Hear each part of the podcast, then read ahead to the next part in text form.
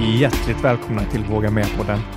Podden för dig som älskar att aktivera det inre modet och utvecklas både fysiskt och mentalt. Med mig, Mikael Wigerud. Och med mig, Benjamin von Schmuck. Det är någonting magiskt med eh, bra umgänge och med bra mat. Det är någonting du har lärt mig, Mikael, på båda delarna. Det är ju någonting som eh, jag verkligen uppskattar och som förgyller livet. Det var som sent som för några veckor sedan när du gav mig ett, ett tips. Då sa du om du, om du har en stressig vardag, just då var det väldigt stressigt, så när du dricker kaffet, verkligen ta dig tiden och drick kaffet. Inte sluka det, utan drick det med alla dina sinnen. Och det är en sån simpel grej man kan göra. Och eh, börja experimentera lite med det. Jag kan säga det att kaffet på jobb, även om det är automatkaffe, smakar lite bättre. Men man kan göra det här med annat också. Man kan göra det när man äter god mat. Man kan göra det när man eh, är på en fin restaurang. Eller man kan göra det när man är hemma hos någon medbjuden. Ja, men det, det är så häftigt det du säger, för att då får man ofta access också till vad maten verkligen är. För äter man i all hast, kanske gör tre andra saker samtidigt och kanske är på språng och ja, kanske har mobilen i handen. Eh, då smakar ju nästan allting samma. Och eh, du kommer garanterat inte känna skillnaden på skällbullen och lilla surbullen kanske. Men då kan man säga så, är det produkterna som det inte är skillnad på eller är det hur mottagliga vi är? Och det är väl verkligen någonting som är så spännande idag när vi har en superentreprenör med som har tagit mat och evenemang och glädje, satt det i Hilma och Evert, detta oerhört fina varumärke. Och idag dela det med hela Västsverige.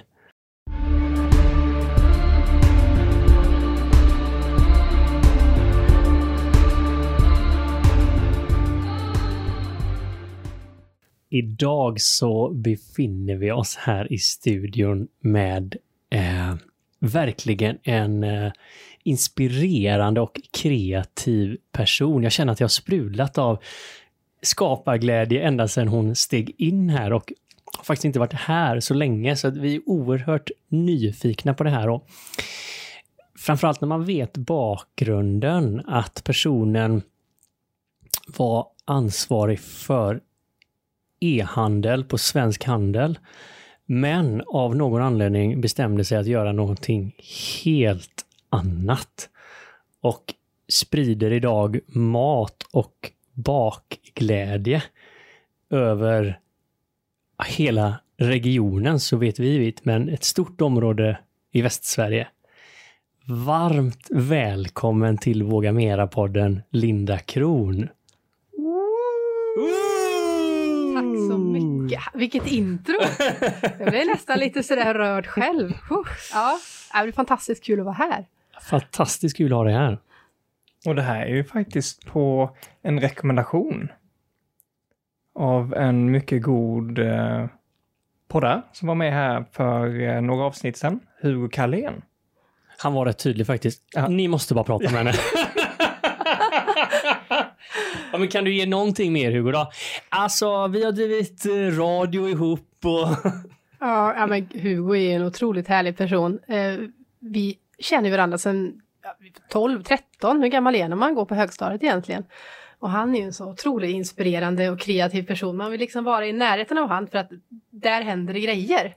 Eh, både på gott och ont. Ibland liksom sprängs det bomber och ibland, eh, äh, men så det är ju så himla roligt. Ja, ingenting är omöjligt i närheten av honom. Nej, faktiskt precis. Ingenting är omöjligt och det är väl det som är så otroligt härligt. Att det, allt är möjligt liksom.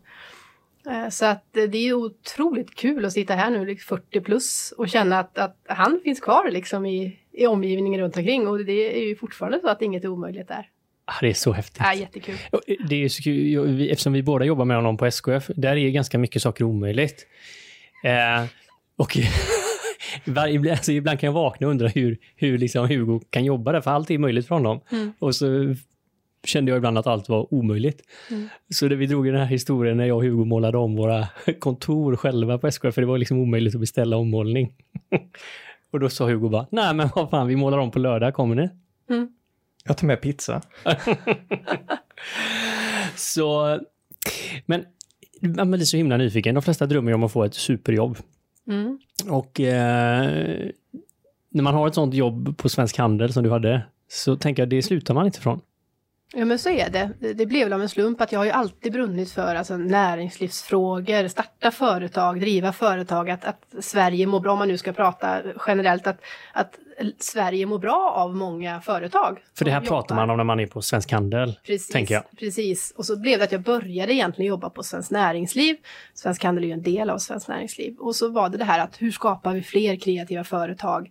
Jag var ute, mitt första jobb var att jag var ute på gymnasieskolor och höll föreläsningar om företag och företagande. Hur, hur gammal eh, är vi just nu här? Nu är jag 25 och Okej. hade precis liksom läst klart statsvetenskap och var liksom färdig. Nu ska jag ut i arbetslivet. Eh, så då åkte vi runt på en turné ett år ungefär och eh, höll sådana här föreläsningar där målet var ju egentligen att när ungdomarna då hade lyssnat på den här temadagen så skulle man känna att wow, jag vill starta företag. Kanske starta ett UF-företag och sen gå vidare och göra det. Så att jag har ju alltid liksom levt i den här världen och träffat så otroligt många alltså, spännande företagare och duktiga företagare och försökt inspirera andra till att starta företag. Så då är det klart att man börjar klia i fingrarna. Börjar känna det nu... precis Ja. Lida. Måste, när du stått där och gjorde de här föredragen under ett Mm. års tid, kände du inte själv att fan, när ska jag göra Jo, mitt men eget? lite så var det. Jag hade faktiskt, det blir ett litet sidospår, men jag hade ju också under tiden jag pluggade så hade jag sommarjobbat på lite olika eh, ställen innan, men så blev det inte av det jobbet jag hade tänkt mig och så stod jag där, nu är jag kanske 20 då, så stod jag där och bara så, oh, vad ska jag jobba med nu? Och så på valborg det året hade jag varit nere i Lund och då fanns det mycket glassbarer och det var så här härligt. Så när jag kom hem och inte hade något jobb igen så var jag, ja men då, då startade jag väl en glassbar då, hemma i Trollhättan. Så det gjorde jag ju, så hade jag ju drivit en enskild firma över sommaren där. Och sen hade jag kvar den, så jag var med på lite julmarknader och sålde pepparkakshus och kassmarginal. Det tar väldigt många timmar att göra ett pepparkakshus, så du kan liksom inte sälja det. För, Men vi läste, vi läste någonstans att du älskar att göra pepparkakshus. ja, jag tycker det är fantastiskt, men du vet, du lägger så många timmar på det, så ska du någonstans sälja det sen eller få någon slags hållbar affärsidé i det, så, så behöver du nästan ta lika mycket betalt som ett riktigt hus. Vad behöver ett pepparkakshus kosta då om, om det ska vara ett business case? Nej, men det kanske, jag säger, om jag sålde det för 500 hade det kanske behövt kosta 5000. Åh! Och jag menar, vem köper ett pepparkakshus för 5000 liksom? Men har inte pepparkakshusen liksom hunnit med den här eh, inflationen för huspriser? Ja, man kan ju fundera på det förvisso. så, Och så det här pepparkakshuset, det är, det är Stockholm. Ja, precis. Stockholms innergata. Det är 2 500 för Ja, jag känner att det här är en marknad jag behöver lära mig mer om. Mm. Ja, det kanske nästan blir ett helt eget program. Ja, det känns nästan så alltså. Ja. Men jag menar, mycket har hänt. Vi är ju och nosar på någonting här. Mm. Eh, Benjamin frågade lite där, vad var det som hände när du tog steget? Mm. Kan du ta oss tillbaka lite till det här ögonblicket? Ja, men det kan jag. Eh, alltså i och med att då som sagt, vi hade varit i periferin av det så länge. Och sen så, eh, så vet jag att vi gjorde mycket trendrapporter på Svensk Handel och tittade på hur kommer konsumenterna konsumera liksom i framtiden, vad är viktigt och så vidare och så vidare. En sån här stark trend som vi pratade om då, det var väldigt mycket att exempelvis går du in på en ICA-butik, Eh, så nu handlar du mat där. Men i framtidens ICA-butik, det här, nu pratar vi alltså kanske 2010 när vi släppte vår första trendrapport. I framtidens matbutik går in, då kan du inte bara köpa mat. Du kanske kan gå och sätta dig på restaurangen i ICA-butiken. Du kan gå en matlagningskurs, du kan slipa dina knivar. Alltså att ICA-butiken skulle vara så mycket mer. Och det här gällde ju liksom hela handeln. Att det här att tjänstifiering, man, branschglidningar, olika branscher går ihop. Så pratar vi väldigt mycket om det här. Och jag hade alltid sagt att jag hade haft fantastiska år på Svensk Handel och jätteroligt men det hade ändå varit kanske lite bättre att jobba på Almega med samma frågor för det är ju de som företräder restaurang och hotell och så. För jag älskar ju mat. Och precis i den vevan så dök det upp en tjänst borta på ICA Munkebäck. Det var ganska nära där jag bodde. Och där hade de en matvin som man kallade det som låg på andra plan där. Där man skulle jobba då med att, att jobba med matlagningskurser, event, alltså ta den här butiken in i, i nästa steg med att liksom komma in i framtiden. Och då kände jag så här, okej, det här är det jag har pratat om på jobbet så många år. Det handlar om mat. Jag har sagt att jag kanske lite tröttnar på det här att åka överallt, resa hela tiden. Jag skulle vilja liksom vara kvar hemma, jag vill jobba närmare hemmet. ICA låg ungefär 900 steg från där jag bodde. Så det var bara så här, nej men det här är ju för bra för att vara sant. Nu, nu måste jag liksom.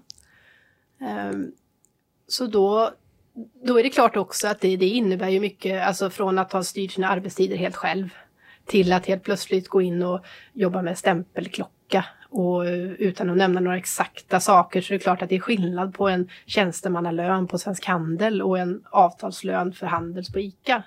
Så att är det värt det? Alltså är det värt att gå till mycket mer fasta arbetstider, sänka sin lön ganska markant? Eh, få, alltså i den aspekten liksom eh, vissa saker sämre. Men jag kom väl till den punkten att jag kände att nej men det är nu eller aldrig. För om jag inte söker det här så kommer jag, det kommer aldrig finnas något som... Många ser det här som frihet, att man väljer vad man lägger sin tid på. Lite grann. Och många yrken idag, eh, många tjänstemannayrken, där är det ju inte en klocka att man klockar in en viss tid, utan man förväntas leverera ett visst jobb. Mm. Och oftast tar det ungefär åtta timmar eller sju och en halv om man är lite snabbare än gemene man. Mm. Och eh, tillhör man den skaran som vill gå igenom kakel så spenderar man kanske 13 timmar på jobb istället.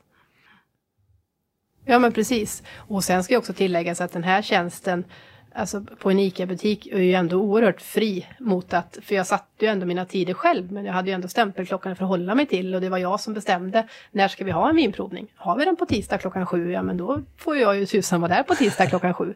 Har vi en bakkurs för barnen en helg, ja men då är det jag som är på jobbet hela helgen. Så att, eh, men, men att, att få göra det så det fanns liksom egentligen fanns det inget val från min sida. Jag var bara tvungen att göra det. Så då sa du adios amigos Ja, till eh, det sa jag. Svenskt Näringsliv och Svensk Handel och Ja. alla de här trendspaningar och rapporter. Och... Precis, och alla häftiga politikermöten i kavaj och sådär. Och så helt plötsligt gick man där i ICA, out, alltså styrsel, arbetskläder. Men, men det var ju det var en kulturkrock, det ska jag säga. Det var ju inte helt, alltså, jag skulle lätt göra det igen. Om jag liksom skulle göra samma, alltså hade vetat vad jag vet idag. Men det var ändå vissa sådana där som att jag vet att några av min chef kom till mig efter några veckor och sa att Ja, men Linda, bara så att du vet att ibland tycker folk att det är lite jobbigt när du vill prata jobb med dem i fikarummet. För att de har ju faktiskt stämplat ut då. Och jag var ju så inne på det här att man jobbar väl jämt och man liksom har ju samma mål, man ska till samma punkt. Men det fick jag ju också lära mig och någonstans kan man ju ha förståelse för det också. Det är klart, jobbar man, man är där nere i butiken, man jobbar, jobbar, jobbar och sen går man upp och sätter sig och har stämplat ut. Då, då kanske man verkligen vill vara ledig. Men, men det där var ju en helt ny Men det var för lite mig. krock för dig då, liksom att få en tillsägelse kring Ja, vad men du precis. pratar om. Tänk på att inte prata jobb när man har stämplat ut. Fast jag sitter ju här på jobbet. Ja, men precis. För mig var det ju så här, men jag, det är så roligt. Ja men det är så kul att bara, ja men precis, man ser ju din entusiasm där hur liksom, ja men jag kom ju på det då, jag vill prata med Ja. om det. Precis. Men, eh, nej, men det är ju också, det är ju små skitsaker egentligen. På det stora hela så var det ju en fantastisk tid där. Ja. Men hur blev det? Är det här som är din grej idag eller blev det någonting helt annat? Nej, det blev ju inte något helt annat av det, men ibland är det ju bara så att man går och liksom laddar för något i ganska många år. Som jag ändå gjorde sådär, det sakta men säkert fick ju växa fram på Svensk Handel att ah, ska jag kanske, ska man och vad ska det vara? Och sen kom det här som gjorde att det liksom fick bara, okej nu trycker jag på knappen. Sen slumpade det sig så faktiskt att efter ett år ungefär så blev min man delägare i ett fastighetsbolag i Lerum och de hade en lokal över och det var så här, vi- vi måste fylla den här med någonting precis vid torget. Det behöver vara någonting lite kreativt. Har du någon idé Linda? Sa jag, men ni kanske kan göra en liten delikatessbutik med lokalproducerad mat i säsong. Det ligger ju ändå i tiden. Det skulle vara ganska lätt att starta igång något sånt ganska snabbt. Eh, så att ni liksom får igång någonting så att man ser att det börjar hända saker. Ja, men det är ju en bra idé, men vad, vem ska göra det då? Ja, men det- ni får väl hitta någon. Det är väl, kan väl inte vara så svårt att hitta någon som brinner för mat och gärna vill starta eget. Var det här någon som Liksom. försökte fösa dig åt det här hållet, känner jag? Ja, Jag ser någonting där Benjamin nej, och då till slut, så det var faktiskt inte min man, utan det var en av de andra fastighetsägarna som sa att men kan inte du göra det då, Linda? Ja, jo, men det kan jag väl. Alltså sådär. Och det var lite samma som med glassbaren när jag startade den. Jag var nere på Valborg och sen tror jag att till skolavslutningen eh, i början på juni så startade jag glassbaren. Och det var lite samma sak här. Det här kom väl upp kanske i april någon gång, lite löst snack om att kanske sådär. Och sen på Lerumsdagen 23 maj så öppnade vi faktiskt. Wow. Oj, Ja, så det gick, eh, det gick väldigt snabbt. vadå det här Wow. är, är det mindre än en månad eller? Ja, nästan från det att vi sa att okej nu kör vi liksom. Och då var de ändå väldigt eh, tillmötesgående från, från ICA och jag fick eh, jobba liksom, göra klart de eventen som var planerade och sådär. Och så jag jobbade väl halvtid liksom där sista tiden och genomförde det som var planerat och parallellt då försökte dra igång det här. Och det, jag tror att det är bra och nyttigt också att Alltså på Svensk Handel som vi pratade om, man, man gör ju sina timmar och jag tror att jag säkert gjorde några fler timmar när man var engagerad i vissa projekt och sådär. Men, men ändå, det är ju ganska, man tyckte att man jobbar mycket. Och sen började jag på ICA och så kände jag, oh, herregud, tyckte jag att jag jobbar mycket förut. För här jobbar man ju verkligen liksom på ICA. Eh, och sen då när jag startade här, det var inte helt eget, men det drevs som ett dotterbolag till det stora fastighetsbolaget. då jobbade jag ju nästan dubbelt så mycket. Så det var liksom hela tiden någon slags trestegsraket liksom i att jobba, jobba, jobba.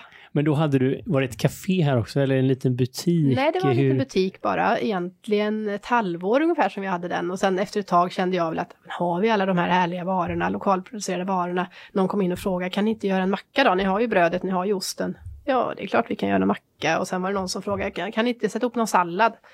Ja, det kan vi väl göra och så gav det ena det andra. Så det blev att vi hade lite enklare luncher och sånt också. Men eh, sen så blev det i, inne i själva köpcentret som fanns på torget så blev det en större lokal ledig för att det kaféet som var där skulle flytta. Och då sa de, men Linda kan inte ni köra kaféet också då? Så då blev det att vi flyttade in, hade kaféet, anställde liksom fler människor, eh, körde det dubbelt ett tag men sen kände vi att det var liksom mycket att ha två ställen på samma torg. så att då körde vi liksom bara kaféet och handelsboden in i den stora lokalen. Så. Mycket springa fram och tillbaka. Ja, det blev faktiskt mycket springande över torget. Men det är väl snabbversionen kan man säga. Och, och, allt det här hände ju under loppet av ett, halv, alltså ett halvår. Att vi liksom öppnade handelsboden, öppnade kaféet, eh, tryckte ihop det och öppnade kafé och handelsbord på samma ställe. Och det här är ju så spännande egentligen att under, jag vet inte hur, hur, lång tid var det du jobbade innan med kavajen på innan eh, det blev ICA? Nej men det var, ju, det var ju egentligen hela min, var det 12 år om du räknar in åren på eh, Svensk Handel. Det var väl inte så mycket kavaj ute på gymnasieskolorna men, men 10 år i alla fall på Svensk Handel och 12 år totalt. Ja, så 10 år, då började det gro lite grann tills det att det tar stopp. Mm. Uh, och sen så bara skjuter raketen i, i av. Mm det ena leder till det andra och jag tror att mycket av det egentligen är nyckeln är att påbörja. Mm. När du väl tog beslutet att nej, okej, okay, jag går in och jag stämplar tid. Ja, man kan ju säga vad man vill om eh, lönen eller förmåner och etc. Men vad det ena ledde till det andra. Mm.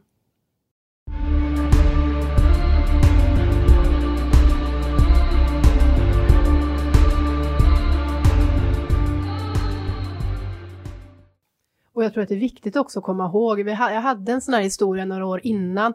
Jag och min man, vi gifte oss 2015.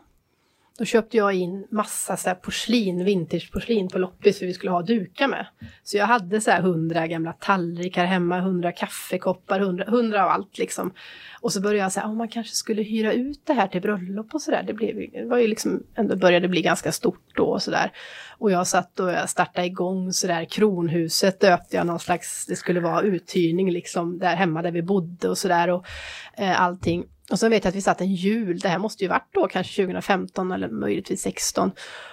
Och så satt jag och sa, jo men jag ska hyra ut det här porslinet och det ska vara så. Och så sa Magnus då, min man, som, han är ju en väldigt klok person, så sa han, jo men Linda, alltså du måste tänka lönsamhet, alltså ekonomi, du kan inte bara säga upp dig och så ska du hyra ut porslin. Alltså, vi har ett hus att betala, vi har liksom allt det här.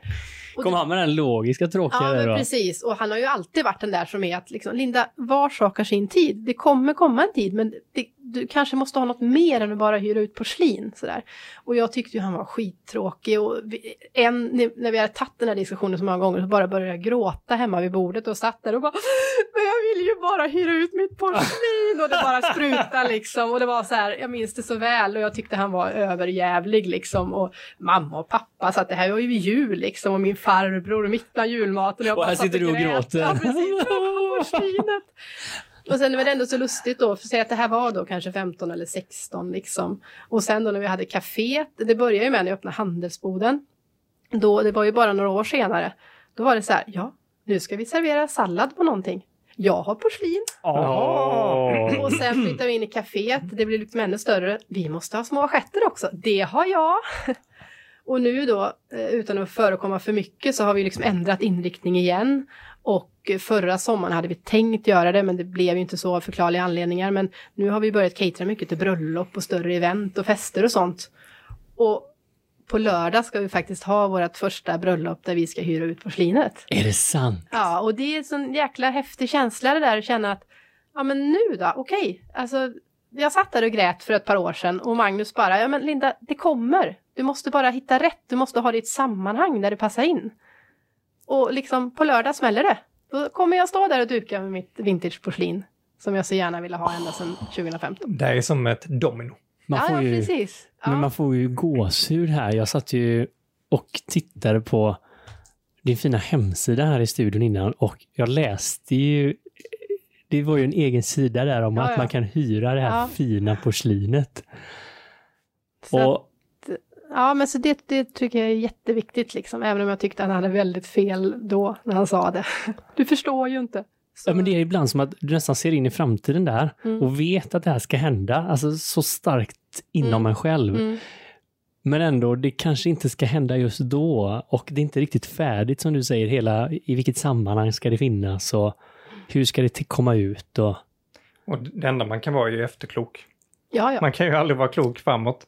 Och ehm, ibland är det kanske bra att man håller på vissa saker och får tänka ut det. Vi är ju ofta förespråkare och tvärtom att man bara drar Mm. igång saker och ting.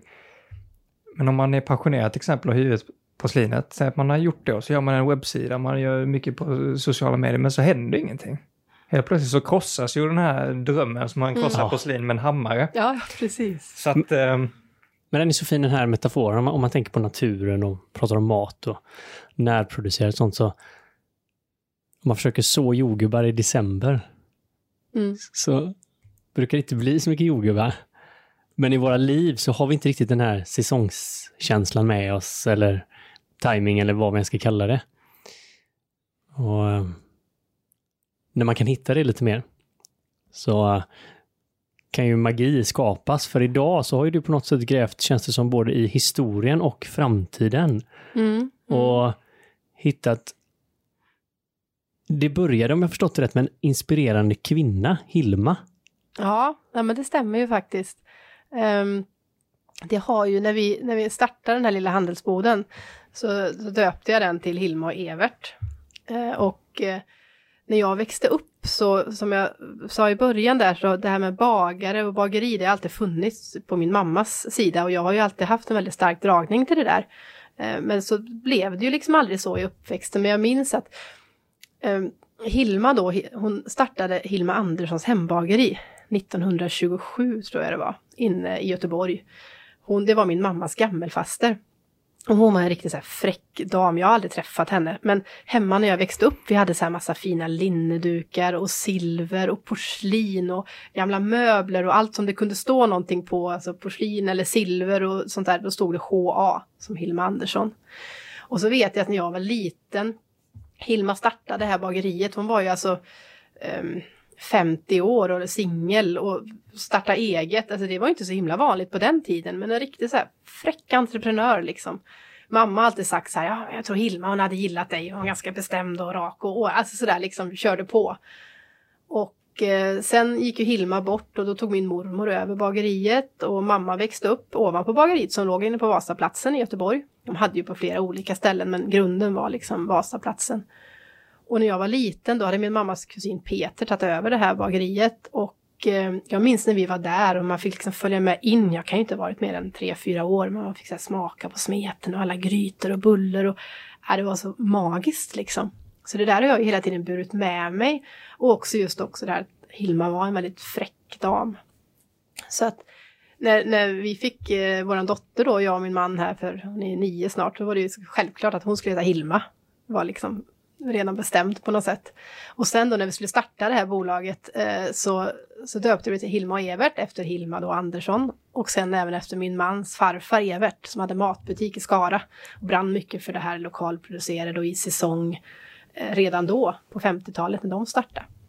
Så vi, start, vi, vi körde den här Hilma och Evert Generationer av matglädje, liksom att ta med oss allt det här gamla på något sätt in och så göra gör något nytt och modernt av det, av det här. Eh, och det känns ju så otroligt fint att få ha med sig liksom det här som jag har vuxit upp med och som jag vet att min, min man känner ju oerhört starkt för hela den bakgrunden. Och han har ju själv drivit vidare eh, Everts butik i olika former och sådär. Så att, nej men det, det kändes riktigt fint. Nästan lika fint som att få använda porslinet. men, men det var med Hilma och Evert som det här porslinet Ja. nu möter det här Precis, bröllopet på lördag va? Precis. För vi, vi, vi fick ju göra så här också. Det är ju alltid så här när man startar en sån här resa. Om vi nu ska säga att på något sätt starta då med att jag sa upp mig och så blir det ICA. Så, så går det ju alltid upp och ner. Och det är motgångar och medgångar och allt är härligt och sen är det jobbigt och sådär va. Så att när vi startade här i Lerum så vi, hade inte det speciellt länge där. Kan det ha varit ett och ett halvt år kanske? Och sen av olika anledningar så blev det att det gnisslade lite mellan de här olika fastighetsägarna och sådär. Så att bestämde sig min man och en annan kollega för att lämna. Eh, och jag då som var kvar och var liksom hyresgäst eh, och hade dotterbolaget liksom i fastighetsbolaget kände att nej men det här, det går ju liksom inte. Så att för att göra en lång historia kort så fick vi liksom bara ta vårt pick och pack och lämna på hösten för två år sedan. Um, och det var ju jäkligt tungt. Alltså för då hade man jobbat så otroligt hårt med det i ett och ett halvt år och liksom kört 24 timmar per dygn och liksom verkligen så här. Nu gör jag det jag ska göra. Nu får jag använda porslinet. Nu liksom äntligen får jag driva det här eget liksom. Vad är vi nu? Är vi hösten 2019 eller 2020? 2020. 2020, ja. Eh, Jag bara tänkte som min, min huvudräkning här. Ja, precis, för det är så många saker. Det, det är det som Ja. är så knäppt när man pratar om det nu. Det är så många saker som har hänt bara på de sista fem åren liksom. Men det var ju det vi var inne på lite grann att Mm. eh, ofta så har man många tankar på saker man vill göra. Att man är, liksom, man är klar på vad som ska Mm. göras men man kommer inte till handling. Men eh, en, en god gärning görs ju inte enbart med tanke utan det är först när handlingen kommer. Mm, Och det är lite samma sak här när du väl tog språnget. mm. Och eh, på sätt och vis bra timing med hösten 2020. Så är det ju. Det var ju liksom inte alls tokigt egentligen då va, men... Ja, men Eller vänta, nu ska vi säga, det var inte 20, 20, det måste vara 2019 ju. ja, Det är ett och ett halvt år sedan ju. ja, nu ska vi se här. Ja, men precis, till höst. Ja, ja men precis. Ja, Så så ett att, Jag ser att ni båda är lite så här nu och letar, men man brukar ju känna så här, var det före eller efter the big C så att säga? Ja, det precis det jag före. tänkte att det här måste ju varit precis Det var hösten före innan. Japp. ja, Så får du berätta för mig vilket år det var. Ja, det vet Benjamin då. Vilket år? 2019. Yes! Tack, då har vi, då har vi rätt 20, ut det. 2019, det var tack och lov att det var hösten 2019 och inte hösten 2020. För då hade man Precis. gått igenom ännu ett ja. tungt år. Det var, nu var det ändå skönt att vi redde ut det. Nej men så det var ju den hösten. Så då lämnar vi det här som vi hade liksom slitit så otroligt med och jag som ändå kände att visst ICA var fantastiskt men nu hade jag äntligen liksom Hittat rätt, hittat hem. nu har jag gjort det här och man har gått ut stort på Facebook och Instagram och man har berättat för alla vänner och bekanta att nu är jag liksom nu har jag gjort, nu är jag där jag ska vara i livet liksom. Jag har lämnat det gamla nu. Men, och det här hade du exponerat lite, de här känslorna också? ja, för ja, det var omvärlden. ju liksom att verkligen sådär. Superinvestering Ja. kan man ju kalla det. Emotionell investering. Precis, framförallt det. Det var väl det som ändå var, alltså gör man det ändå i en, som en större helhet som vi gjorde då i det här fastighetsbolaget så är det klart att rent ekonomiskt eh, eh, var väl lättare för, för det var ju större, en större, ja, en större Men känslomässigt var det istället. 110 procent. Precis, känslomässigt och tid och allting så hade vi verkligen så här gått all in liksom. Och helt plötsligt så bara, "Hä? nej men då stänger vi det här och drar då. Men osade misslyckande här eller vad var det för känslor som kom? Ja, såklart var det det och såklart var det att jag låg nog hemma och typ grät en vecka och sen så bara, sen var det väl också det här, jaha men vad gör vi nu då? Alltså jag har ju liksom, ska jag, ska jag, ska jag gå bort, ska jag jobba på Svenskt Näringsliv? Ska jag söka jobb på BRG eller något annat liknande i den? Så kände jag så här, ja, ja det skulle jag väl kunna göra. Jag sökte en del som jag sökte, sökte något jobb som näringslivschef någonstans, jag sökte något annat och sen så, nej, alltså jag har ju gjort det där och så tänkte jag, ska jag starta ett café igen? Så kände jag att nej, men jag orkar inte det. Alltså det, det tar så otroligt mycket kraft och energi och man ska anställa människor och sen ska det såklart också liksom ekonomi att göra. Alltså det var så många aspekter av det så jag kände att nej, men jag orkar inte ta det igen. Så det är inte bara det här att man baka bullar och Nej, göra alltså det mackor. är så otroligt mycket mer och, och så gjorde ju jag och Tänka Carolina. sig. Ja, ja, men precis. Jag och Carolina, en, kollega eh, från kaféet, vi gjorde en liten sån här julstuga, var ute och såg på lite julmarknader och sånt för att känna att ja, men vi, vi testar och ser vad det här och så. Och sen så i januari där när allt det där var klart, liksom, då, då vet jag att jag kände mig rätt tom. Så här, "Åh, vad, vad ska jag göra nu då liksom? I praktiken när man ser tillbaks på det så var det väl egentligen sex veckor när jag låg hemma och såg på dokumentärer om andra världskriget och gjorde inte så mycket liksom. Bara så här, självklart lämna barnen på skolan och gick ut med hunden och det man behöver göra men jag fick ju en otrolig respekt för att om man inte har barn som man måste lämna och hämta och hundar som man måste gå ut med så är det nog väldigt lätt att fastna i liksom ligga hela dagarna och bara fundera på kommer jag någonsin orka jobba igen? Kommer jag någonsin vilja Ja. jobba igen? Vad är meningen med livet? Ja, Vad ska men jag lämna så. Men blir det kvar? lite depression? Alltså, Ja, alltså det, det vore nog inte ödmjukt inför sådana som verkligen har haft en depression och kallar det det. Men alltså kanske i min värld då. Ja. Eh, Framför, alltså just det här, vad, vad ska man göra liksom? Och, och framförallt tror jag det jobbigaste var nog att jag kände mig så otroligt eh, trött. Och så kände man så här, kommer man orka igen? Mm. Kommer jag verkligen orka jobba igen? Och vad ska det bli av det här? Liksom? Det är nog inte så konstigt när man blir så emotionellt investerad i någonting. För att då, man associerar ju sig själv med framgången i det yrket man, Ja. man lever. Det är ju Ja. inte bara det att man går någonstans och klockar in och så har man men till exempel om man tar ICA, man har varit i Delin kanske, eller man har varit på laget och sen så Mm. har man, jag menar om man säger upp så är det ingen som bryr sig riktigt. Kanske någon kollega eller så här, men man går in och man kör på alla sociala medier, här, kolla vad vi har gjort, det är fantastiskt, jag brinner för det här. Mm. Och sen så kommer motgången, Mm. så att säga. Mm. Och det är inte bara det att man känner kanske själv att fan, jag gjorde allt vad jag kunde och det gick ändå åt pipan. Mm. Utan man måste ju också på något sätt stå till svars, kan man väl kanske tänka sig, men folk säger, "Ha, hur gick det? Och så får Mm. man dra samma story om, om, om igen, om igen. Ja, ja. Och men vi hade ju ett antal anställda på det där kaféet. Och ska man Ja. säga till dem, nej tyvärr, alltså det gick inte. För vi, liksom, vi kunde inte komma överens, alltså vi som skulle driva. Ja, var just inte- det. Men vad är anledningen då? Eh, nej, vi, vi kom Nej. inte överens Nej men riktigt. precis, och det var ju, vi var, jag var ju aldrig med i det här fastighetsbolaget och det finns alltid, det, det finns inga rätt och fel i sådana här liksom. Jag tror att det blev bra som det blev. Sen så här i efterhand är det lätt att sitta där och säga det. Eh, och har man väldigt olika åsikter om hur ett gemensamt bolag ska drivas, då tror jag att det är, det är vettigt att liksom driva det var för sig. Eh, så att, så, att det, så här i efterhand kan jag ju sitta här och säga att ja, det var bra det som hände. Jo, men det är ju jäkligt fint att kunna säga det också. Det betyder ju inte att det var jättejubel i stunden. Nej, nej, nej det, var, det var rätt tufft i stunden Ja. tror jag för alla parter. Men, men så här i efterhand så var det väl ändå då när det väl började liksom bubbla där igen under våren när jag var så här, vad ska jag göra då? Ska jag... Så, man höll på att fundera. Du började tröttna på Netflix och... Ja men precis, jag hade sett alla dokumentärer om Sett allting, för jag kände det och sa, jag låg hemma och kollade på krig. Ja, precis. då, då, då, då är fått och miss noll.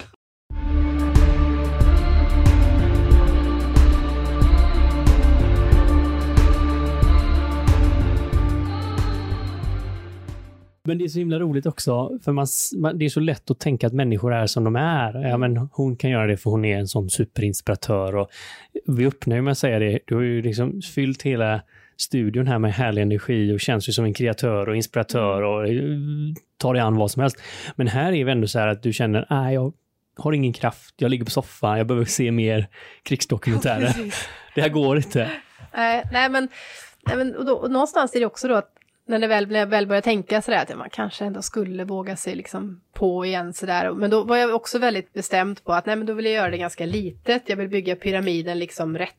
Caféet och handelsboden i efterhand och det visste vi väl redan när vi gjorde det att i och med att det skulle vara någonting som skulle tillföra hela handelsplatsen någonting. Det måste hända någonting här snabbt för att vi ska få bra vibes över till allt annat runt omkring så fick vi bygga den pyramiden alltså upp och ner. Vilket gör att det, det blir rätt skakigt. på När du menar pyramid här, kan, kan du förklara lite vad du menar kring det? Nej men exempelvis om du ska eh, anställa människor. Det vanliga är att du startar ett företag och så driver du upp det och när du har kommit upp till en viss omsättning då kan du anställa en till och sen kan du anställa en till. Sen kanske du kan hitta en lite större lokal.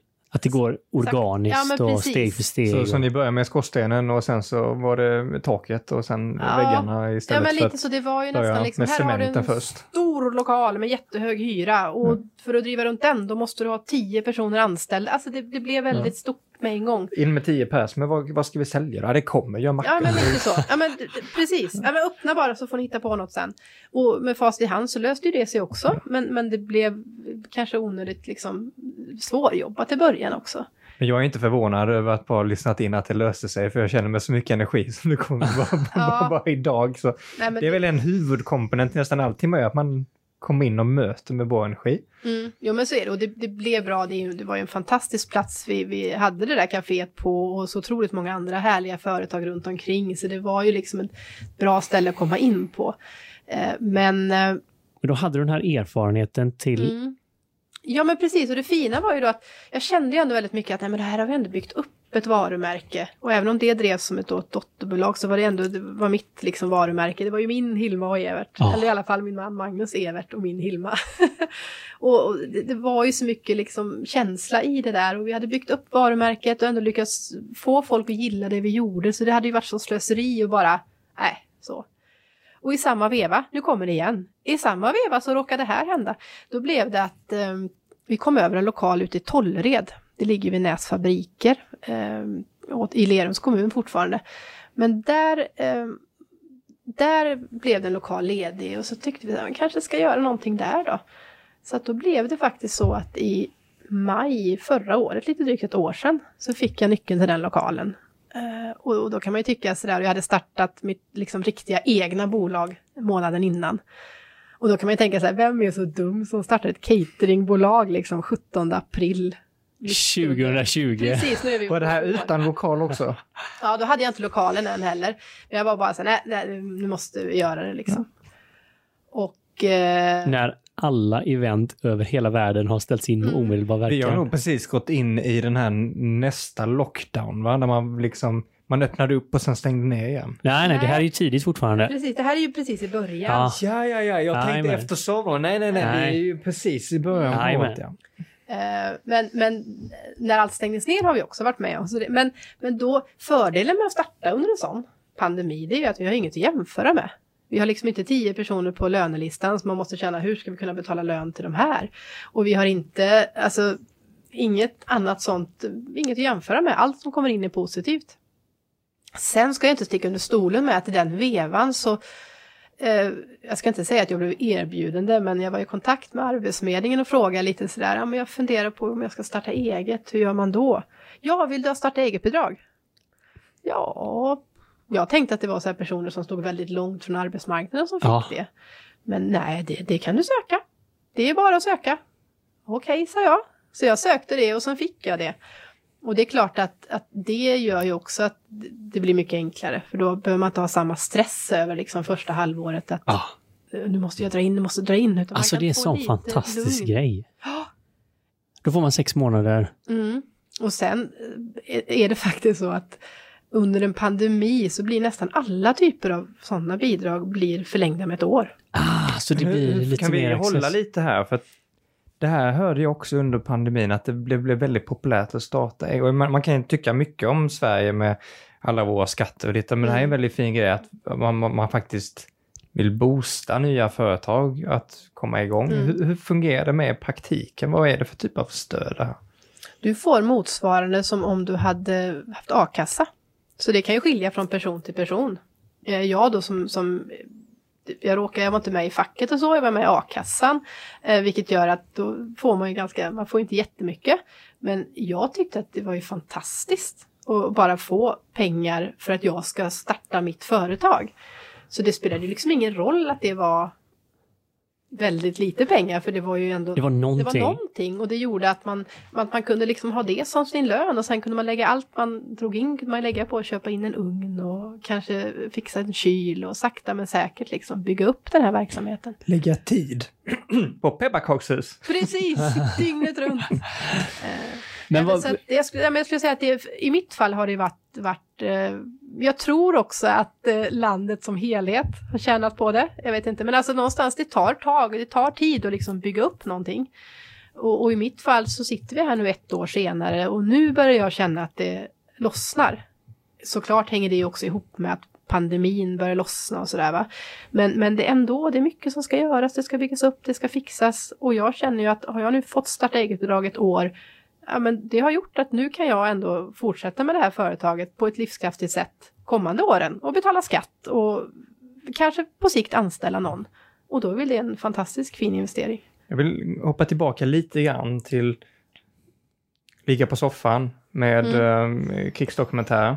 För det känns som att eh, un under tio års tid så var det ett frö som grodde. Mm. Och liksom ett batteri som blev superladdat. Mm. Och sen så exploderade det nästan som säga, ett Samsung-batteri på en flygplan. Men, mm. Och sen så helt dränerades det här batteriet på bara en vecka. Va? Mm. liksom, det gick från fullt med liksom uppkavlade armar till att vara helt tomt. Mm. Men så successivt så måste det ändå på något sätt ha laddats upp till att du öppnade det eget. Mm. Så vad var det egentligen där som fick dig att komma igång där? Var det vänner, familj eller den här fröet som på något sätt inte riktigt hade fått utvecklas? Nej, men det var nog lite där att det var inte klart. Ja. På något sätt. Sen ska ju det sägas också, hela den här resan, alltså med att man säger att man slutar på Svensk Handel, går ner ganska mycket i lön, man eh, kommer in i det här med starta eget, man jobbar liksom dygnet runt, alltså mycket sådana saker. Det hade ju aldrig gått utan att ha liksom stöd hemifrån. Ha en man som faktiskt säger att men kör, jag tror på dig, det här blir bra, vi löser det liksom. Eller att ha föräldrar som passar hundarna och hämtar barnbarnen. Barnbarnen hämtar dem mycket innan corona. Nu är de snart på gång igen. Men alltså ha hela den biten och ha fantastiska vänner. Vi pratade om Hugo i början. Jag vet när han, när vi skulle starta lilla handelsboden. Han bara, men Linda, är det något du säger till, du bara ringer. Så han fick åka till Ringön och hämta frysboxar och köra till Lerum. så att så det är klart att alltså, inget av det här hade varit möjligt. Men man gör sällan själv. saker själv. Alltså, det, det, är väldigt tydligt när du säger detta. Och sen är det också en otroligt viktig del i det här. Det är ju min eh, kollega Carolina. Vi, hon var den första jag anställde till kaféet. För jag kände att ska vi ha ett kafé måste vi ha någon som gör riktigt bra bakverk. Och hon var liksom den enda jag ville ha då. Och och sen så blev det att jag, när jag började starta eget så sa jag att du borde också, så jag övertalade henne att hon också skulle starta eget. Så att nu har hon sitt bolag och jag har mitt bolag. Och så gör vi allting ihop. Fast det är ändå skönt att vi har varsina delar. Och det är ju samma där, jag hade aldrig kunnat göra det jag gör nu utan henne. Eh, och förhoppningsvis kanske inte hon hade kunnat göra det utan mig heller, för man kommer ju in med olika kompetenser. Ja. Men det här är ju verkligen ett modernt sätt. Man hör ju lite, på tal om trendspaningar, så hör man ju lite så här att nya former av att eh, samarbeta ihop och nya former av anställning, om man kan säga så också. Mm. Eh, och, och, då samarbetar ni under samma tak och samma varumärke, men ändå med egna bolag i bakgrunden. Mm. Det är jäkligt fräckt alltså. Ja, och det känns liksom alldeles, alldeles lagom, om man får se det, säga så. Ja. Eh, och det möjliggör ju fortfarande att, jag menar hon har lite annat, hon har ju sitt bolag eh, som heter Konditor K, som Carolina Konditor. Jag har alltid trott att det var konditork, men det, det var ju Konditor K. Och hon ville kanske mer odla och hålla på med biodling och sådana saker. Det, det känner inte jag att jag behöver göra. Och jag kan ha lite andra uppdrag som jag kan jobba med, men vi har liksom ändå basen tillsammans. Alltså jag älskar att höra detta. Det här, det här låter ju väldigt, alltså, jag vill säga modernt företagande på något sätt att man hade man gått tillbaka kanske 20, 30, 40 år, eller jag vet inte hur långt bak man behöver gå, kanske bara två år, att man tänker att man startar verksamhet och sen så ska en person bestämma och nästan vara liksom här på täppan och så tar mm. man in de här och sen så, ja, du vill kanske baka men här ska det bara vara morötter. Mm. Men här är det lite tvärtom, att okej, okay, vi har en bas tillsammans, men det finns fortfarande frihet på att liksom utforska andra vägar och andra affärsmodeller. Mm. Eftersom att vi har ju en bit tillsammans där vi går på varandras, eh, eller man, man bidrar tillsammans så att säga. Mm. Och sen så finns det utrymme för annat också runt omkring. Mm. Ja, men och det känns väldigt fint. Och det är ju egentligen först nu sista månaderna här som vi liksom har hittat de här formerna. Apropå att det tar lite tid att sätta rutinerna. Men har ni laborerat fram detta eller hur har det, hur har det flyttats ja, fram positionerna? Ja, det började med att jag körde igång själv och sen när jag behövde vissa bakverk så köpte jag in det från henne helt enkelt. Men sen började vi prata om det lite så här, men om vi ska göra större bröllop och den typen av catering då, då måste vi vara två och vi måste vara fler ibland också om det är riktigt stora bröllop. Det, det, var lite av en slump egentligen. Vi började prata, men kanske vi skulle göra det här, men kanske skulle vi göra det här. Ja, men vi testar. Mm. Eh, så att Nej, och det, det, var, det blev ett riktigt bra test, skulle jag säga. Det låter så. Va, vad är Hilma och Evert idag för någonting? Nu är det ett event och cateringbolag Så att jag, vi jobbar ju mycket med eh, alltså företagscatering såklart. En del bröllop börjar ju komma igång nu igen. Och nu i sommar gör vi även en del liksom mindre bröllop. Så 15 personer. Det kanske vi inte kommer göra nästa sommar för att då kommer vi inte ha tid med det. Men nu gör vi liksom, det är ett bra sätt att jag ska inte sitta här och säga till våra kunder att vi övar upp oss. Men alltså det är ett bra sätt att komma in och testa och liksom laga stora grupper. Och sen så ser vi att det successivt liksom ökar. Och jag då, apropå jag och Carolina, jag jobbar en del med event eh, också. Andra saker som inte alltid har kopplingar till mat. Det kan vara att dra ihop en eh, äggjakt för någon centrumförening, alltså, eller olika skojiga barnevent. För, för an, alltså, ha en matlagningskurs för barn ute på ett företag eller vad det kan vara. Eh, så det, det, är väldigt blandat och det blir ju också vad man själv känner att man brinner för och vill lägga in i hela den här kakan. Ja, för det, det är en viktig parameter just det här vad som glädjer en, vad du brinner för. Och... Ja. Och det är också lite det här att du behöver göra vissa saker som du drar in pengar på. Och som tur är så har vi ändå hittat vissa saker som vi faktiskt tycker är roliga också som vi drar in pengar på. Sen kan du göra vissa grejer som, det kanske inte är det du blir rik på men det är jäkligt roligt. Alltså jag älskar när vi har bakkurser för barn. Det är liksom fantastiskt. Men det är lite samma där som det är med pepparkakshus. Alltså skulle du verkligen ta betalt vad det verkligen liksom kostar så skulle det bli ganska dyra bakkurser. Men hur, hur gör man den här balansen då? För det är kanske många som um, ja, men, har, har någonting man vill göra. Kanske uh, lisa ut porslin. Mm. Uh, men så får man inte riktigt det att gå ihop med ekonomin eller att man, man kanske är dålig på att ta betalt eller mm. säga liksom, så här mycket pengar vill jag ha. Um, hur, hur, hittar man en balans där man känner att uh, jag, jag gör det här inte gratis, men det är inte så att, alltså, att jag gör det enbart för pengarna? Jag måste få höra dina tips. Det är en sån stor fråga för så många entreprenörer och man tenderar att ge bort sina precious porslinskoppar och linnedukar. Ja, Nej men alltså, egentligen, det här låter ju dumt, men mitt tips är ju egentligen att, att skaffa sig en Carolina och en Magnus. Alltså Carolina är ju min kollega som säger till mig så här, Linda, nu har vi ett mål, under hela maj ska du inte ge bort någonting. Nej, jag ska verkligen försöka, alltså vara egentligen benhård på det. Um, och Magnus då, min man, han är ju så här, nu måste du våga ta betalt, det är jätteviktigt, så han håller ju på att drilla mig i det här. Jag är sämst på det här, så jag skulle verkligen, jag skulle behöva gå en kurs i det. Det kanske ni vi har Nej, men alltså, haft lite personer i, i våga med Det här är så viktigt om man pratar om vad som skulle behövas. För det är en av de svåraste grejerna. För jag, jag, min egen erfarenhet och vad mycket av personer jag träffar och, och, ser här i samtalet är att desto närmare någon form av verksamhet, om vi ska kalla det, någonting värde man ger ut, ligger hjärtat. Mm. Eller ens passion eller det här som man har letat efter. Det är så lätt då att för att man hittar det där, men då är det någonting jag kan göra gratis, för det här är min hobby eller mm. mitt stora intresse. Och då, vi hade exemplet fortfarande, du hade gjort den här fina kaffekoppen Benjamin. Bara för att man har gjort det på sin hobby eller sin fritid. Men man har lagt ner så många timmar. Som du säger, pepparkakshus behöver kosta 5000. Mm. Då ser man bort det för 50. Mm. Mm. Ja, men det är helt galet. Jag tror att det som jag hela tiden försöker nu ändå jobba med och tänka på, det är just den här stoltheten och känna att jag, jag är stolt över det vi har tagit fram och det vi gör. Och det är en fantastisk produkt. Men hur kan det vara? Här? Du ser den här framför dig och säger men den här ska kosta 25. Kommer Magnus röst i huvudet, den ska kosta 75? Nej, men ja, så kan det också vara. Men det kan, det kan ju också vara sådana enkla saker som att vi gör en stor catering och allting och så kanske jag säger till Carolina, nu har de ändå beställt så här mycket, ska de inte få 10 procent? Men varför ska de få det? Varför ska de... Nej, det är klart. Nej, det ska de inte få. Och så får vi köra vidare. eh, sen är det klart att man måste också vara tagande och givande där och se liksom... Jo, jo, men alltså innan någon har frågat eller sagt något så, så börjar man rabattera. Ja, exakt. Ge bort grejer. Exakt och... så jobbar jag. Jag ger rabatt innan de ens har frågat om det. Eh, tycker synd om kunden lite. Ja, men jag gillar dem lite extra och jag tycker det är så roligt att de vill köpa något från oss och sådär va. Men, men jag, har blivit, jag har blivit jättemycket bättre på det senaste tiden och det där är ju något man ständigt får jobba med. Och jag är stolt över det vi gör och jag tycker det är fantastiskt och härligt och just därför vill jag ju våga ta betalt för det. För jag vet ju vad vi måste, jag vet vad vi har för marginalkostnader. Vi jobbar ju med alltså lokalproducerade produkter, de är dyrare än om du åker till snabbgrossen och köper någon oxfilé från Brasilien. Liksom. Alltså det, så är det. men ni jobbar med väldigt fina råvaror? Väl? Ja, fina lokalproducerade råvaror i säsong. Det är klart, i säsong då kan det ju bli billigare ibland, men om vi går ut och plockar svampen själv i skogen. Liksom. Men, men det är ju ändå, um, jag tror att man måste också fundera på liksom lite den här stoltheten. Alltså vara stolt över det man gör och då tror jag att sakta men säkert så lär man sig också att våga ta betalt. Aha, så att om, om jag, jag gör den här, nu har jag en kaffekopp precis framför mig Mm. som jag har gjort och lagt ner svett och tårar i den här.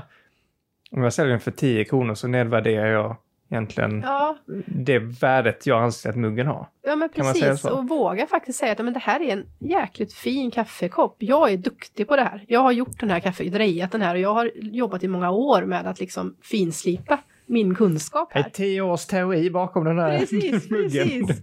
Eh, och att man verkligen så här, men jag är stolt över det jobbet jag gör och jag vet att jag är duktig på det. Och sen dessutom då i vårat fall om man då använder riktigt bra råvaror och riktigt liksom duktiga lokala leverantörer.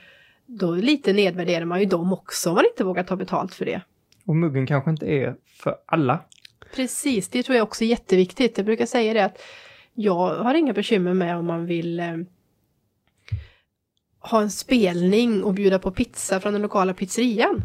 Det är väl jättekul om man vill göra det. Sen kanske man vill ha en spelning och ha en lite mer inspirerad, alltså lite mer exklusiv, fina lokalproducerad eh, gråboskinka. Ja, men då kostar det lite mer. Så att jag tror att det, det är viktigt bara att hitta precis vem är din målgrupp och vem vill betala för det här. Och i vissa fall då känna att ja, men jag kanske kan göra en matlagningskurs för barn som vi går runt på. Och det är bra, vi tjänar pengar på det också, men det är inte det, är inte det man liksom verkligen drar runt skeppet på. Liksom.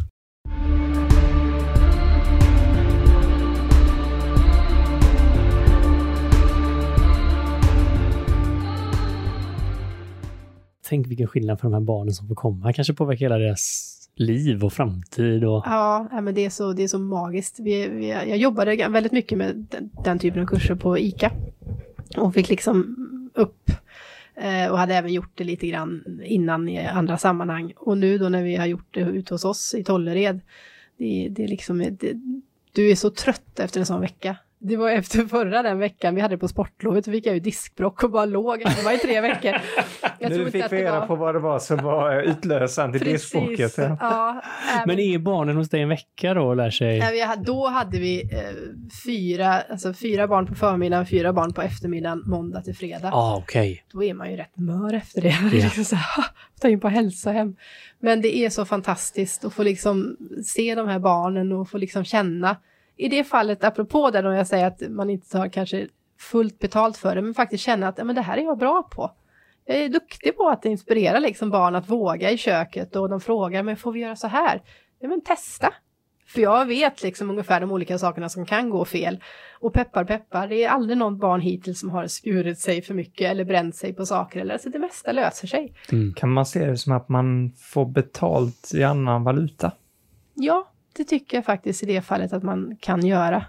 För ligger man där förhoppningsvis väldigt, väldigt gammal, vi kan så Mm. ta i trä 120 eller någonting. 150 kan vi säga. Mm. Kör som eh, main home, de har väl hashtag 150 år gamla. Ehm, då kanske man inte bara vill ligga där och känna att man tjänar grymt med, med cash, eh, eller man kanske vill känna att man berikar lite andra personers liv också. Mm. Ja, Kanske men det- kunna delge lite mer av den här känslan med bageriet när du var liten, Mm. Till andra barn också. Mm. Ja, men jag hoppas det. Och, och att, att det ska bli en naturlig liksom mötesplats på något sätt för barn och ungdomar, både vad gäller mat och eh, bakning och allting. Så det, det är väl någonting som jag verkligen vill alltså, jobba vidare med. Jag, må, jag måste ändå fråga en grej, um, och då går jag tillbaka lite grann här igen, Linda. För jag tänker mig i din roll ehm, när du jobbade på Svensk Handel, heter det? Mm. Ehm, du jo- jobbade mycket med rapporter va? och liksom undersökningar. Jag misstänker att man är rätt analytiskt lagd, eller man är det i den rollen. Mm. Hur kommer det sig att om man jobbar mycket med siffror och trender och sånt här ändå kan tänka sig ta beslutet att våga bryta det så att säga och gå in i en främmande främmande ny verklighet? Ja, nej, men det är klart att det är ju lite skrämmande på något sätt. Jag har väl alltid känt, alltså när man har jobbat på de här så, bitarna så har jag alltid känt att man har ju litet självförtroende i att jo men jag har en utbildning, jag har tagit min polmagexamen, alltså samhällspolitik magister och eh, att man har känt en liten trygghet i det, i det att jag, jag har min kunskap och jag har den på papper och jag kan det här liksom. Och det är klart när man går in i det här, jag kan inte säga att jag har gått, Karolina Carolina då, min kollega, hon, hon har ju ändå eh, gått konditorutbildning och hon är sen, man säger inte legitimerad, vad säger man, diplomerad? Lä, inte, nej, ja, någon, så hon har gått liksom alla de här utbildningarna. Jag kan bara säga att jag är duktig på det i grunden, jag har en känsla för det. Så det är klart, då ger man ju sig ut lite på hal is. Att man liksom tappar det man faktiskt känner att man kan. Men, nej, men det var nog lite som vi pratade om det här innan, att för mig fanns det egentligen liksom inga, fanns inga alternativ. Jag var liksom bara tvungen att göra det.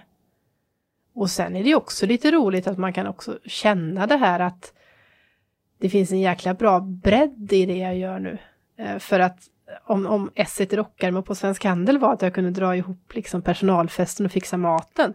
Ja, men nu kan ju rock, esset rockar med vara att ja, men jag kan sitta med i Företagarna i Lerums styrelse och skriva en jäkligt schysst debattartikel. Det är inte alla som driver cateringföretag som kan. Och om några år, om jag vill, vet man ju inte, men jag kanske kan sätta mig i Svenskt Näringslivs styrelse och vara med, men alltså representera mig själv och representera företagen istället för att vara tjänsteman. Så att jag tycker ändå det känns som att man har liksom lagt, inte sista pusselbiten tror jag, men en väldigt liksom... Ja, men du börjar se en stor... Det börjar bli en lång röd tråd här. Kan Ja. smälta ihop lite grann. Men det är väl så, ibland måste det, det ser ut som vid första anblick att man går väldigt långt åt ett håll. Mm, Nu går jag väldigt långt åt vänster mm, mot när jag var här. Men helt plötsligt så nästan du pekar med händerna här till och med som att de kommer ihop de här två världarna och de är inte Mm. så långt ifrån varandra för att det är ju saker du kan och kan bidra med värde till. Om vi fortsätter med metaforen och tar de här två eh, ändarna på det här repet och knyter ihop säcken lite grann. mm. Om du skulle delge eh, någon tips till någon person som kanske känner att ah, men de har slitit tio år är någonting som kanske inte känns helt och hållet rätt. Om man eh, vill pröva på någonting annat, vad, vad är det man behöver göra? Hur behöver man... Eh, Jag tror att det, nu blir det ett dubbelt svar som spretar i så fall lite åt olika håll. För det ena är ju lite som vi har varit inne på när vi har pratat om min resa, så är det så här, men var sak har sin tid. Även om man kanske inte ser liksom, det tydligt från början så, så till slut så faller det på plats. Så där säger jag ju då att ja, men vänta in, se, rätt tillfälle kommer komma. Men å andra sidan så är det ju jäkligt viktigt att våga. Alltså Mm. bara ta det där klivet, inte stå och tveka för länge.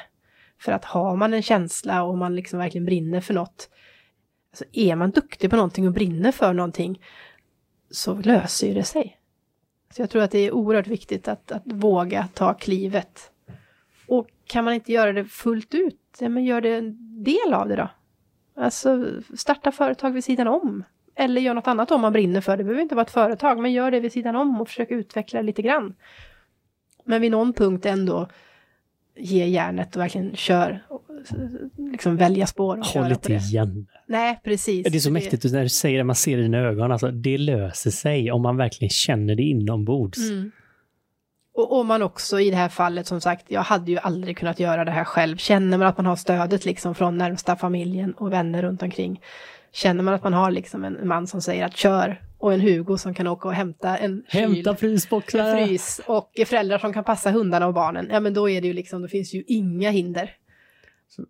Det känns som att man ska inte bara vänta på rätt tillfälle själv, utan att man liksom delar den här drömmen och visionen med andra också. Mm. Ligger det någonting i det? Att man Mm. på så sätt exponerar vad man vill? Ja, men det tror jag är viktigt. Och eh, i lagom dos våga lyssna. Man kan sitta hemma och gråta lite grann över liksom eh, krossat porslin, eller på att säga. Men och veta också att när det väl är rätt och kör, då jäklar är det ju fantastiskt. Ah, men ni, alltså, ni gör ju gudomliga grejer idag. Extraordinärt fina. Ja, det blir jag ju så glad att du säger. Jag tycker ju också att de är fina. Ja, men det är oerhört fina grejer. Och om man skulle vilja ta del av det här eller smaka eller se eller hur, eh, hur, hur kan man få uppleva den här lokalproducerade Man ska gifta sig. Gifta sig eller fylla jämnt eller... Nej men det finns såklart olika alternativ. Vi, vi, vi har något som vi kallar Delbilen som är en produkt vi kör runt med helgmat till eh, platser mellan Tollered och Göteborg varje fredag. Vad är, det, är det här som en ICA-bil som levererar eller är det som eh, en, en glassbil eller är det som Ja, en kebabkiosk som Nej, ställer sig tänk dig någonstans? som en lite mindre, en lite mindre eh, glassbil fast utan tuta. Men det kanske vi fixar. Eh, så har vi stopp, så man förbeställer maten innan. Varje fredag så har man då en viss eh, fredagsrätt som är olika varje vecka och sen har vi ett standard liksom, som vi alltid har varje vecka. Så kan man beställa lite sådär löjromspizzor och texas chili och grillade burgare, sånt där klassisk fredagsmat. Och sen så går man in då på Instagram eller Facebook eller mejlar eller skickar telefon. Alltså det är ett jäkla jobb varje gång att kolla vart alla har beställt och inte missa någon. Men eh, så beställer man det och sen så varje fredag så kör vi ut det och stannar en kvart på varje ställe så får man komma och hämta det.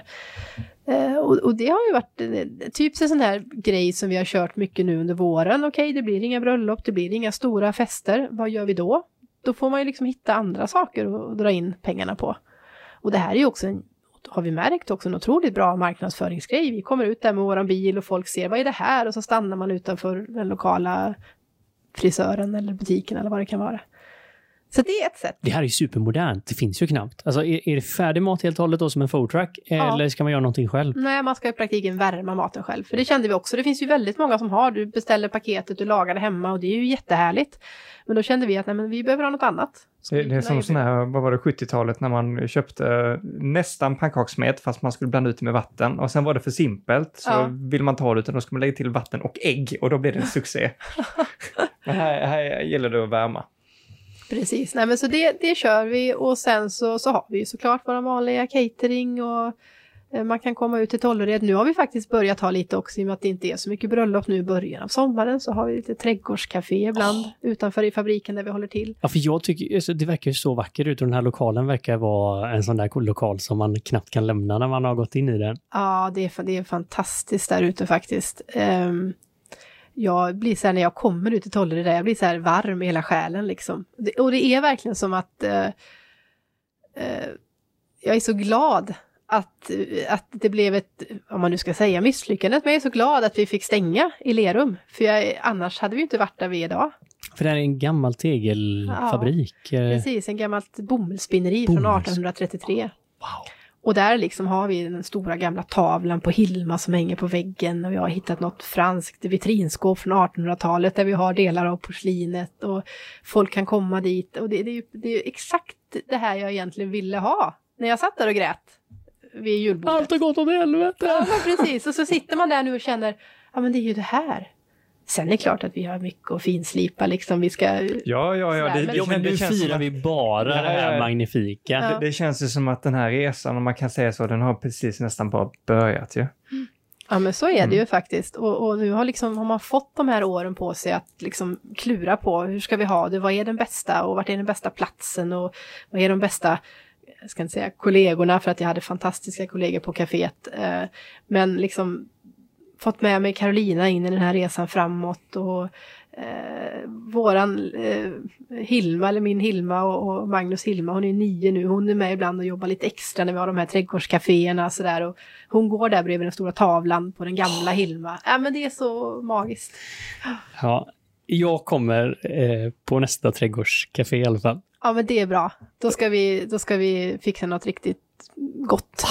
Här har vi någon som är väldigt svag för goda grejer. Ja, Men det är svårslaget med god mat och fina råvaror. Och... Bakelse och surdeg och... Ja. Ja.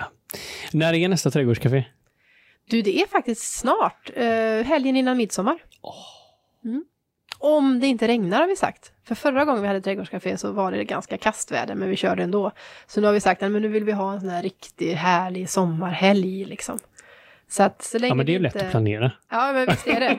Men om det är så här, om det, om det regnar ehm, från sidan och är 10 grader varmt, då kommer vi inte ha det. Men om åtminstone solen tittar fram lite grann så kör vi. Det här låter ju helt fantastiskt och bra att du inte valde just midsommar för då vet vi att då regnar det ju. Ja. Så att, eh, ja, det Precis. är ju väldigt strategiskt. På midsommar har vi gjort om delbilen till sillbilen. Så då kör vi ut eh, på torsdagen innan och Oh. levererar så här sill och västerbottenpajer och ah, potatis, eh, desserter. Det kommer bli helt magiskt. Jag är så pepp för att hem och... Det, det låter ju som en... Ja, men det är som glädjespridare hela i Hilma och Evert. Så vi är ju verkligen tacksamma för att du lever vidare den här superkvinnan och entreprenören Hilma. Ja, men det, är- det är fantastiskt att få göra det. Och tack för all energi under dagens samtal. Eh, Och det, det känns som att eh, vill man ha lite av den här energin också, eller mycket, så ska man in och beställa lite sill eller potatis eller västerbottenpaj. Och då når man det på Instagram va? Vi finns på Instagram, hilmaochevert.se. Vi finns på Facebook, vi finns på webben. Man finns ju överallt Oj, idag. överallt. Så det, där är det bara in och sök. Stort tack Linda, det har varit fantastiskt att höra den här historien. Ja, men tack själv. Så himla kul att få vara här och få, få dela med sig av det här. Och, och ja, jätteroligt. Fortsätt sprida good vibes and good food. Det Det- behöver vi här. Det ska vi göra. Tack. Ja, tack så mycket.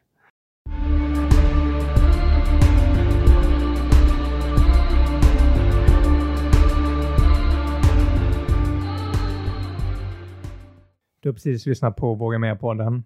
Med mig, Benjamin. Och med mig, Mikael. Vill du höra mer av oss så måste ni ju såklart prenumerera på podden. Och det gör ni genom att ni klickar i den här klockikonen där poddar finns. Det brukar vara som en, en liten, liten, liten ikon. Så se till att ni hittar den så är ni med nästa avsnitt och nästa igen och nästa igen och nästa igen och ni är alltid uppdaterade. Och är det en sak som vi verkligen tycker om i Våga Mera-podden så är det ju att vi tillsammans engagerar oss. Så in på våra sociala kanaler, kommentera, dela och inspirera varandra. Ha en magisk vecka till nästa gång så syns vi snart igen.